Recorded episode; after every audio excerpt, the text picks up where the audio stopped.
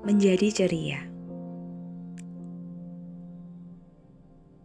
Alasan untuk tetap tersenyum di saat hati sedang tidak baik-baik saja, aku kira bukan pilihan yang buruk.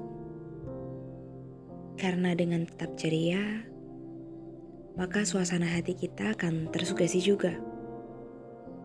Ya, walaupun pada akhirnya ketika sendiri mulai datang, satu persatu luka itu mulai terbuka dan memaksa kita untuk tetap tabah, untuk sabar, untuk rela, untuk sembuh, bahkan untuk menangis.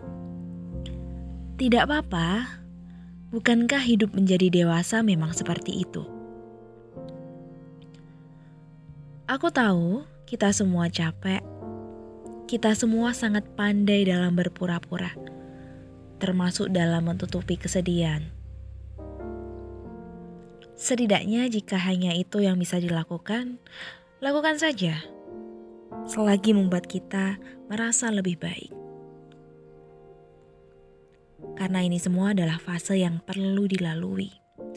Hanya kita yang tahu bagaimana keadaan kita, bagaimana kita perlu menyikapi dan bagaimana kita memilih beberapa pilihan untuk memenuhi slot-slot yang kita punya dalam kehidupan ini.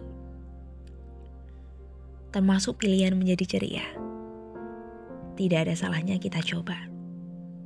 Pancarkan aura positif itu dan mulailah untuk menghiasi dunia dengan senyum terbaikmu.